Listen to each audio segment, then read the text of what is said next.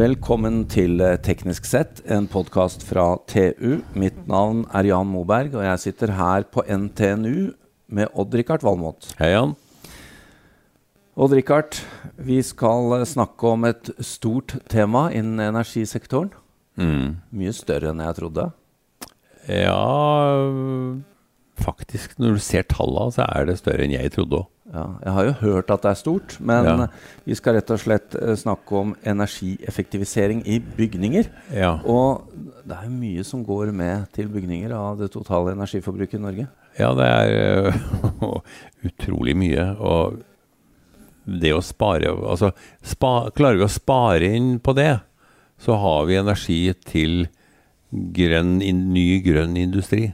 Og til trans-. Til transport etc., etc. Og det er jo det vi skal ha. Så det her eh, på en måte maset fra miljøvernere om at vi må spare, Mm. det, kom, det er veldig lett å forstå når du ser på de tallene. Altså. Du er enig nå etter Ja. 25 år at de hadde rett? De har rett. Ja, det er godt å høre.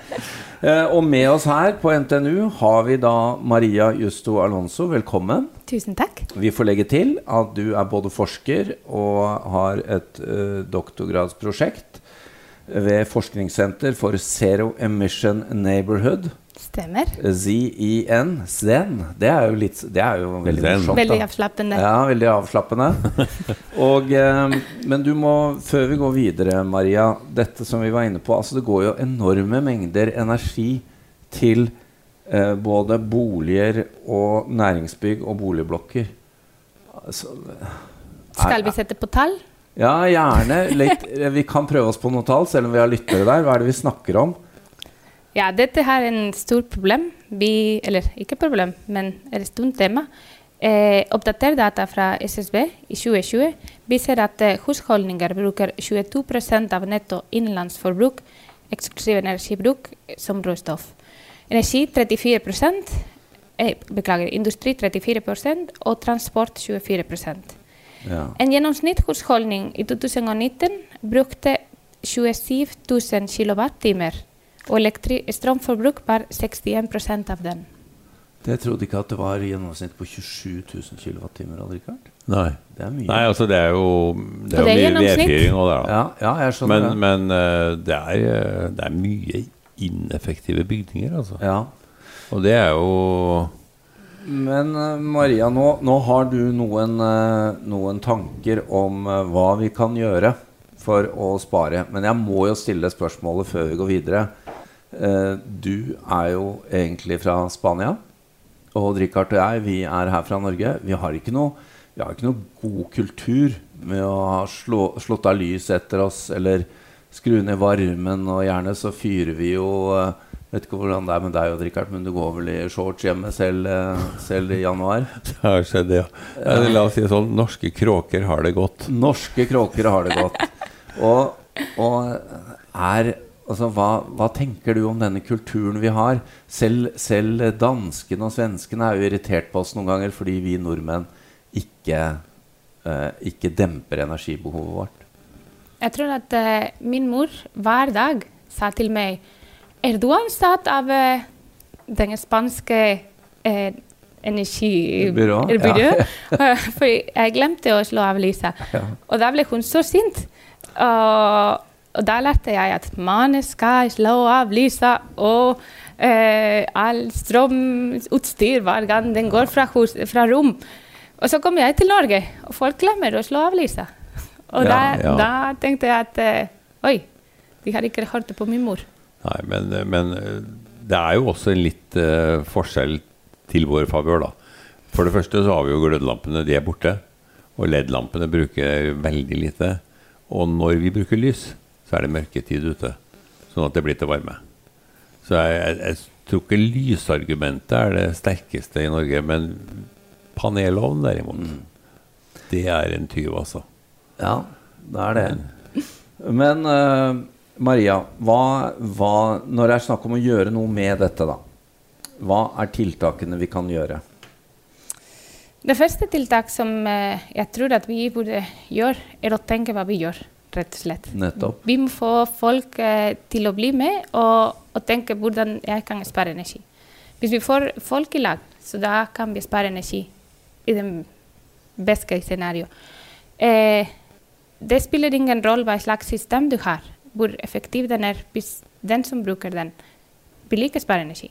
Så du må, du må, ha folk med deg for å starte og, og gjøre de tiltak og drifte ting som de har hjemme hos dem ordentlig. Det var det vi diskuterte litt som Hvis jeg har en eh, varmepumpe og jeg har en veldig lett bygning, er det lurt eller ikke lurt å stoppe min varmepumpe når jeg går på jobb? Ja, Det er det mange som lurer på. Skal jeg slå den av når jeg går på jobb, og sette den på igjen når jeg kommer hjem, eller skal jeg la den stå på?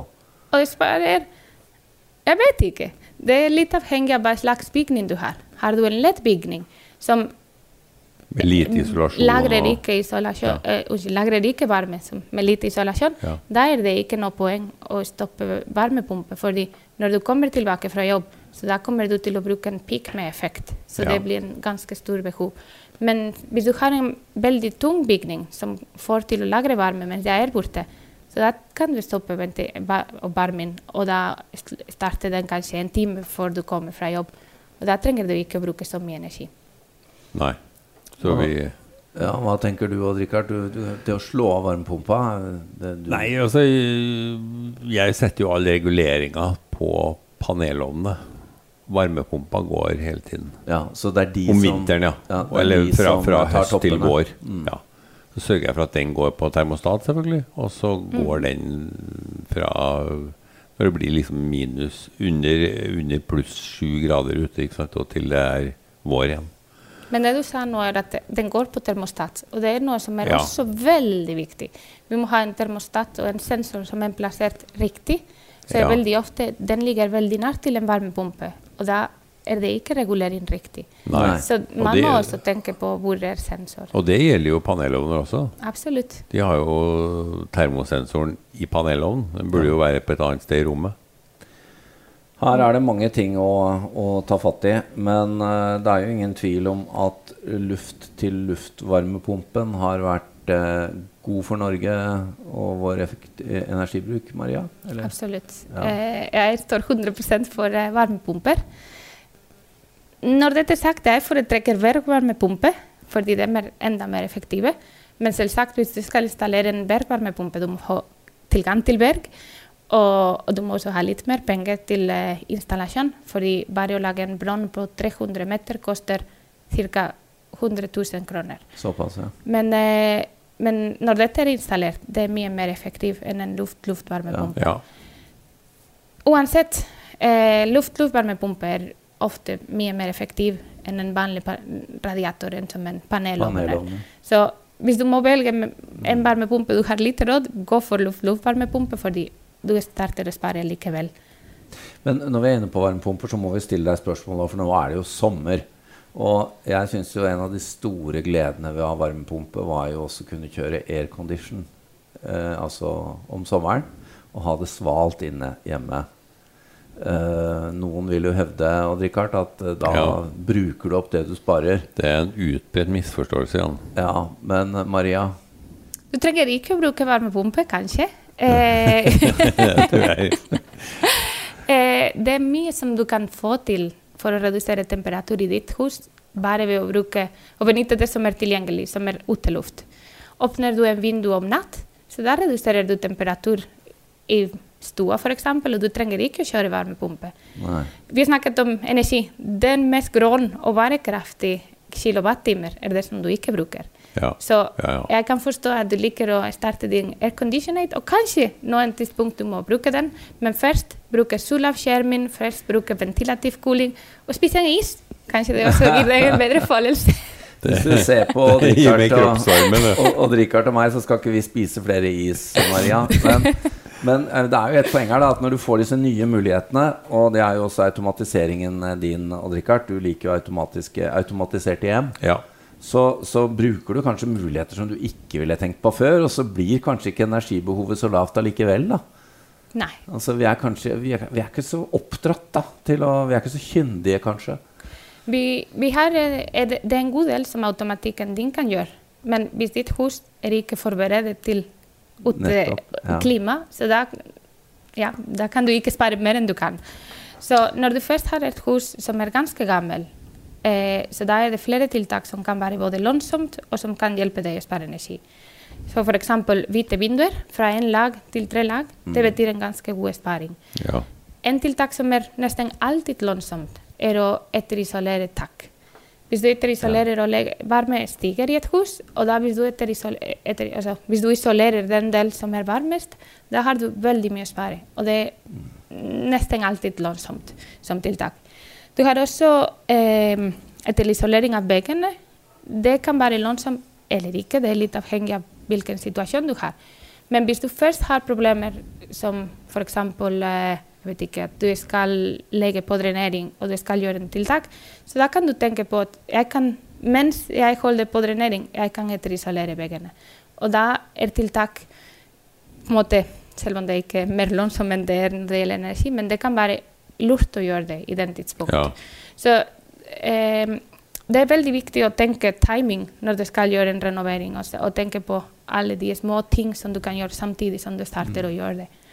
Så god planlegging da, når du renoverer allikevel og gjør energieffektivisering samtidig. Absolutt. Og det, og det er en annen ting som er veldig viktig i tillegg til planlegging, er å ha med deg i lag folk som kan det. Så du må alltid tenke at hvis du plutselig har et hus som er veldig tett, da må du tenke på ventilasjon. Ja. Eh, Før i tida, når vi hadde bygninger som var veldig tett, uansett hva vi gjorde, lufta bare tok med seg alle forurensninger. Laget mye mat, og vi hadde peis, og vi produserte masse vedstov og, og sånn. Den ble ventilert bort. Men nå at vi har så tette bygningskropp, etter at vi har gjort en etterisolering eller noe sånt, da plutselig de forurensninger som vi lager, blir igjen i huset. Og da kan vi risikere å ha helseproblemer pga. Eh, forurensning som før i tida vi greide å ventilere uten problem. Så ventilasjon er en ting som er kjempeviktig. Eh, vi har nettopp gjennomført en del målinger på hjemmekontor i mange forskjellige hjem. Og, eller hjemmekontor. Og, og vi har sett at eh, eldre bygning som hadde gått gjennom en renovering, og som ikke hadde tenkt på ventilasjon, var de som hadde den høyeste nivå på forurensninger. Så det? svevestøv, formaldehyd som hel, Formaldehyd var kjempeinteressant, fordi det er noe som er tilkoblet til lim og maling, og vanligvis vi ventilerer den bort veldig fort. Men vi også lager den når vi lager mat og, og vi gjør ting i huset. Så den var høyest i de husene fra rundt 60-tallet som hadde gått gjennom en renovering 90-tallet, og som ikke hadde tenkt på ventilasjon. Så ventilasjon, selv om det spiller ingen rolle hvis du tenker mekanisk eller eh, naturlig ventilasjon, du må tenke på det. Og du må ventilere bort forurensning som du lager. Så selv om ventilasjon bruker en god del energi, det er noe som vi må fremdeles Vi trenger den. Jeg har jo skjønt at ventilasjon, som er et av spesialfeltene dine, Mhm. eh, tar jo mye av energien også i næringsbygg i Norge. Opptil 50% Halvparten, ja. Tenk, det, Det- hadde ikke jeg trodd, hadde ikke vært. Nei, men det er vel summen av alle næringsbygg. Moderne næringsbygg kan jo ikke svi av 50 av Nei, energien. altså, på det, det er litt som hvordan du gjør dem Ja. Hvis du går til konstant luftmengde, til behovsstyring og sånn, Ja. så da er det veldig annerledes Og i gamle dager var det vel uh, bare Når man hadde ikke eh, og kanaler og varmegjenvinner vifte. ja, da, da hadde man veldig trange kanaler, så det betyr mye større energibehov for Ja, ja. Og det var ikke optimalt. optimal, men da var det ikke så viktig med energi. Men vi har jo et uh, spesielt en spesiell utfordring i Norge, da, i hvert fall halve året, hvor vi har det så kaldt ute og vi må ha på varme allikevel av ventilasjon. Så jeg skjønner jo at vi, eh, vi har en utfordring. Da må du alltid tenke på å ha en varmegjenvinner. Varmegjenvinner er en eh, Ja. det, det er kjempeviktig, for da kan du spare, ikke spare, men i alle fall ikke gi til kråka en 80% av Ja. varme som ligger i lufta, mer i gjennomsnitt. Og du kan også, hvis du har f.eks. roterende varmegjenvinner, har du mulighet til å gjenvinne fuktighet, som er Ja, en av de også, ja. mest Ja. eh, klage... Den, jeg tror at den, Tørr luft, ja. tørr luft er den klage som jeg hører mest når jeg snakker med folk om inneklima. Så- Skal vi gjøre alt det hun sier, så må vi begynne å strikke klær til kråkene. Ja, altså nå, nå har jo den kråkefamilien eh, hos deg ja, lever jo uh, usikker fremtid nå når du får disse påleggene. Ja. Men uh, dra det enda litt mer konkret, Maria. For nå ble jeg nysgjerrig i forbindelse med dette stoppe varmepumpe. Vi må også stille spørsmål, da, selv om jeg skjønner at det kanskje har et forutsigbart svar. Men det å slå av panelovner og slå på panelovner, da, for nå har vi jo fått disse wifi-styrte ovnene og Richard, Ja. fra Mill og andre, hvor jeg har en app hvor jeg kan slå av og på og tenke ah, nå sparer jeg strøm. Og så kan jeg sette på. Hva er svaret der?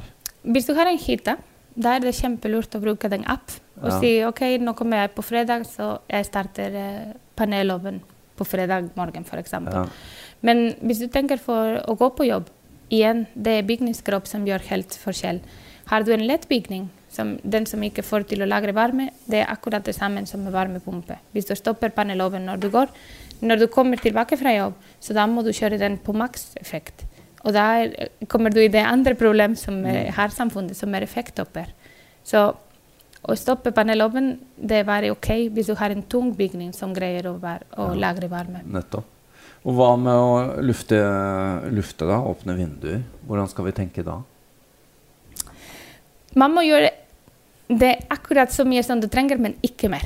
Eh, du må alltid tenke at eh, selv i vinter vi produserer forurensninger. Så vi må åpne vinduer likevel, for å, eller ventilere Ja. det med mekanisk. Eh, men hvis du kanskje tenker at eh, nå at vi sitter i en hjemmekontor Hvis du kjører, og vi har ikke noen eh, mekanisk ventilasjon Hvis du kjører det som heter som eh, sjokkventilasjon, så hver time du åpner kanskje fem-ti minutter, det er litt avhengig av hvor stort er ditt rom. Så det er i alle fall du greier å ta bort de forurensninger som kunne være helseskadelige. Eh, men du må huske å gjøre det veldig ofte, nesten hver time. Det er mange nordmenn som liker å sove med åpne vinduer og legger eh, vinduet åpent hele dag, dag og natt. Og det har jeg et stort problem, fordi det må du ikke gjøre, rett og slett. Vil du åpne litt din vindu, greit. Men når det gjelder energisparing, det er ikke en god tiltak. Og så har de panelovnen under vinduet som står og fyrer Ja, samtidig. og det, og det er den beste det, Du må alltid huske å slå av panelovnen hvis Ja. Maria, tenk på kråkene, da. Nå, eh, de skal jo også trives. uh, vi, uh, vi, uh, vi kunne snakket mye mer om dette. Vi må avslutte. Men Maria, tusen takk. Vi må høre når du er ferdig med doktorgraden din. For den handler om ventilasjon. Da må, da må du ta kontakt. Den må vi lage en podkast på. Og vi legger til du jobber i forskningssenter for Zero Emission Neighborhood. Zen. Zen. Zen. Og Richard, der fikk du noe å tenke på. Ja. Takk til deg, og mitt navn er Jan Moberg.